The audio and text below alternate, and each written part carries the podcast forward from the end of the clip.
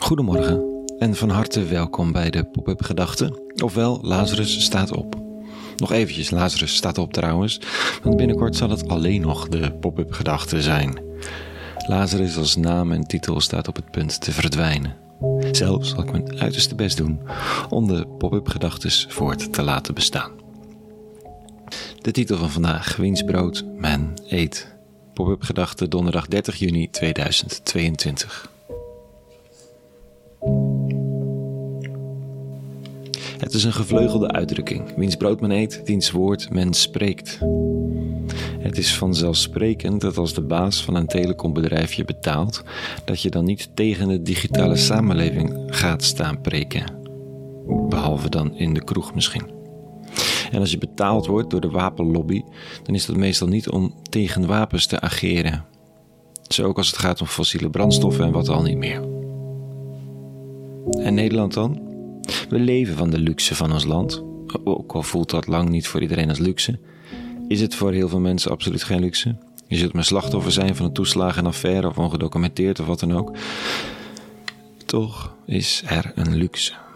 Een land met een verzorgingsstaat, een belastingstelsel en uitkeringen die pogingen doen om de kwetsbaren te ondersteunen. Er is veel. Kun je dan nog zo scherp zijn, publiek en openlijk, tegen de hand die je voedt? Zoals ik dat zelf soms ben als het gaat om vluchtelingen of ander beleid. Kan dat? Is dat fair? Of moet je dan eerst ophouden met alle luxe en voorrechten aannemen die je gegeven worden? Moet je zogezegd het Nederlanderschap achterlaten als je kritisch bent op Nederland? Moet je automatisch je baan eraan geven als je substantieel kritisch bent op je bedrijf? En dan ligt dat laatste misschien meer voor de hand dan het eerste. Toch even een laagje dieper vandaag. Met een tekst waarin twee Bijbelse profeten elkaar verbaal te lijf gaan.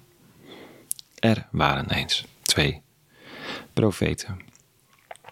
De een heette Masja, de ander Amos. We lezen over hen in het boek Amos, wat al doet vermoeden dat Amos zelf de good guy is en Amasje de bad guy. In Bethel, een stad van betekenis, heeft Amasje zich als priester gevestigd. En hij wordt chagrijnig van de voortdurende kritiek die de profeet Amos heeft op volk en vaderland. Dit staat er. Tegen Amos zei Amasja: Ziener, u moet maken dat u wegkomt. Verdwijn naar Juda, verdien daar uw brood met profiteren. Hier in Bethel moogt u niet meer profiteren, want dit heiligdom is van de koning en dit gebouw van het rijk. Amos gaf Amasja ten antwoord. Ik ben geen profeet of lid van een profetengilde. Ik ben veehoeder, een vijgenkweker. Maar de Heer heeft mij achter mijn beesten weggehaald en het is de Heer die mij gezegd heeft: trek als profeet naar mijn volk Israël. Oftewel, profeet zijn en dit soort harde dingen zeggen is geen businessmodel, beste Amasja. Het is geen manier om mijn brood te verdienen. Ik ben geroepen door een higher power. En die hogere macht lijkt niet echt te bestaan voor Amasja. Hij zegt: Dit heiligdom is van de koning en dit gebouw van het Rijk. Of dit eten wordt verzorgd door BV Nederland en het geld is van de baas. Maar daar zou dus Amos tegen ageren: de eigendomsclaim en de machtsaanspraak. Amos kiepert ze omver.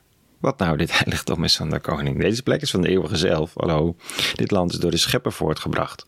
En daar ben ik verantwoording aan schuldig. Oh, en by the way, jij ook.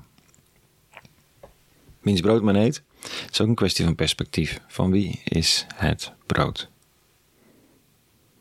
Wie heeft het voortgebracht? Wiens handtekening staat in elk stukje DNA van dat wat je krijgt overhandigd? Wie is degene die het leven in stand houdt, waardoor mensen kunnen werken en überhaupt geld kunnen verdienen? Amos bevrijdt zich van de aanspraak van medemensen. En dat is wat mij betreft instructief. Het DNA van de dingen is niet door ons voortgebracht, niet door koningen, bedrijfsleiders of geldschieters.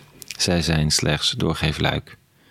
Je hoeft je aan hen maar in beperkte mate gelegen te laten liggen, met name als hun machtsaanspraak of neiging tot controle over je leven te groot wordt. Wiens brood? De profeet Amos neemt het aan uit de handen van de eeuwige en spreekt vrijmoedig extreem kritisch. De machtsaanspraken de machtsaanspraak van zijn zogenaamd vredelievende collega valt machteloos ter aarde. Het mag mij de weg wijzen en me kritisch doen kijken naar mijn inspiratoren. Of kerk, moskee, synagoge en natuurlijk mezelf. Wiens brood eet ik, wiens brood eten ze. Echt. Tot zover vanochtend. Een hele goede donderdag gewenst. En vrede en alle goeds.